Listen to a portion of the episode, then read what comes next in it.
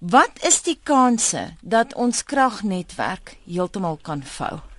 Anita, kan ek verskoning vra in in, in Engels beantwoord want ek uh, ken die terme in Engels beter en kan beter uh, die uh, die saak beskryf. Dis goed, so piek van. Gaan voort. Baie dankie.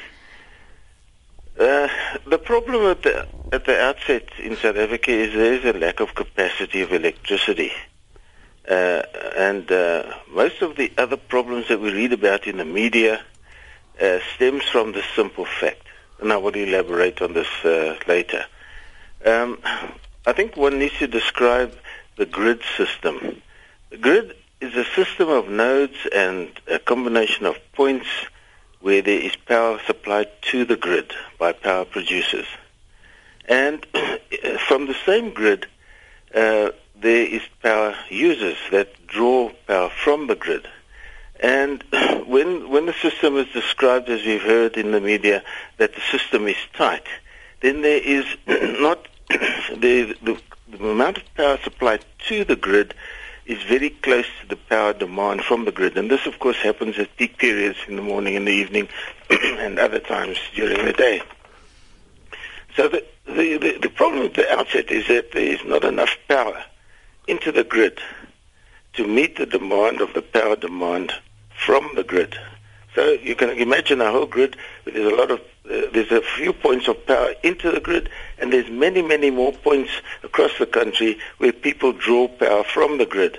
And uh, when you and it's a continuous balancing act because you can't store electricity on the grid, so you you have to balance the power in and power out. And for a reliable system, the balance uh, the, the balance of power there should be 15 percent uh, reserve power that mm. you can apply to the grid uh, to, to balance that power. If you haven't got that, then you have a problem of trying to balance that power. And the only way you can do that effectively is to do rolling blackouts, as you've heard. Mm.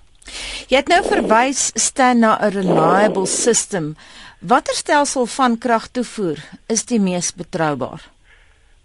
We we have a system in South Africa that is as good as as any in the world. The system is good. It's got a, a, network that, that goes all over the show. So there's not a good or bad system. It comes back to this basic problem that we do not have sufficient capacity to put into the grid. And that's where the problem is. If, if you have rolling blackouts and the balance of power in uh, and and the power out is, is not maintained, then then you have rolling blackouts so that you can balance this power. And uh, the power in at the point in the grid uh, can, depending on where it is, some some points on the power grid can overload, mm. and to and then it switches off. That means the balance of the demand on that grid has got to be shared by the remaining nodes of power where the power is put into the grid, and they then take on a bigger capacity, uh, a bigger demand to supply. Their share is the share of the load is much higher.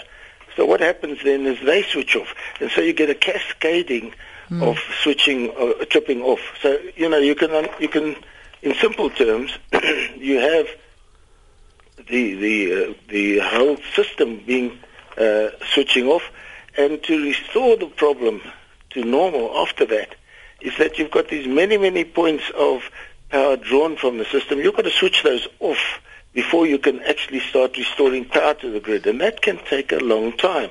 En staan wat sou gebeur indien die netwerk heeltemal ineenstort? Well, that's what I was saying uh, uh, uh Anita that um, you, you in order when you get this cascading of trips from the powers points that supply the grid, then they all switch off and the grid then shuts down. Mm. In order to restore that power, you've got to switch off all the power points that are drawing power from the from the from the network, switch them off, and then start restoring power in a in a in a regular and uh, structured way.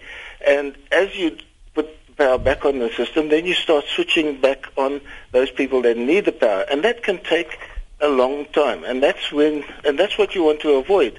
So I think we should be pleased that there is a control of rolling blackouts so you don't convenience everybody at the same time. You switch off small parts of the grid to balance the power on the grid, and then only some people are inconvenienced at some times. And, and you share that inconvenience across the whole grid.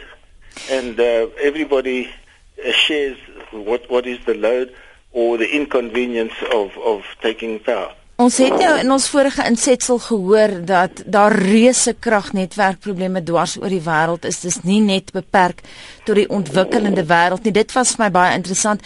Ek het ook gister gelees dat die Brasiliane sê 20%, hulle sit met 'n 20% uh, van kragonderbrekings en wat hulle glo hulle moet hê is 5% van kragonderbrekings. Is daar 'n internasionale aanvaarbare persentasie van yes. kragonderbrekings? Yes. Wat is dit? The of system that we have with coal-fired power bulk uh, bulk supply power stations, you you need 15% to to operate reliably.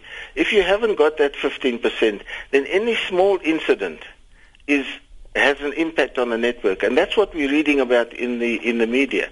Is that the, the, because there's no reserve power, um, you, are feeling it uh, with switch-offs all all over the show if you've got the 15% reserve in, in other places, then those small incidents which happen in other grids, they happen in other countries, as you've heard, they happen all over the world. Electricity cannot be stored and there will always be a switch off. So if you've got the 15, 15% reserve, then you don't feel the impact. Uh, and the, the system operator uh, manages the balance of the load onto the grid, off the grid, because he's got power in hand and you don't you don't see those things. What what's what we're struggling with is that there isn't that reserve. So any small incident is highlighted in the media, and everybody says, "Oh, that, that's that's the problem. That's the problem." That's not the problem. The basic problem is we don't have sufficient reserve mm. on on the grid. Hoe pas diesel in die prentjie in? Ekskuus. Hoe pas diesel in die prentjie in? Daar's nou baie gepraat die afgelope 2 dae oor diesel.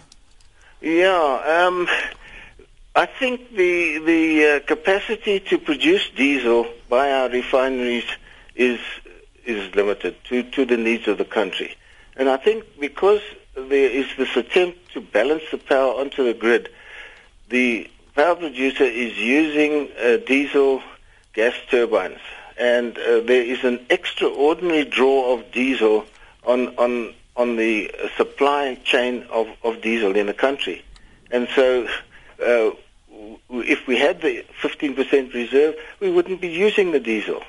And and so that's that's basically the problem. Does that explain it, Anita? I think it does. Thanks very much. Dit aan die uitvoerende hoof van die Suid-Afrikaanse Instituut van Elektriese Ingenieurs, Stan Bridgens.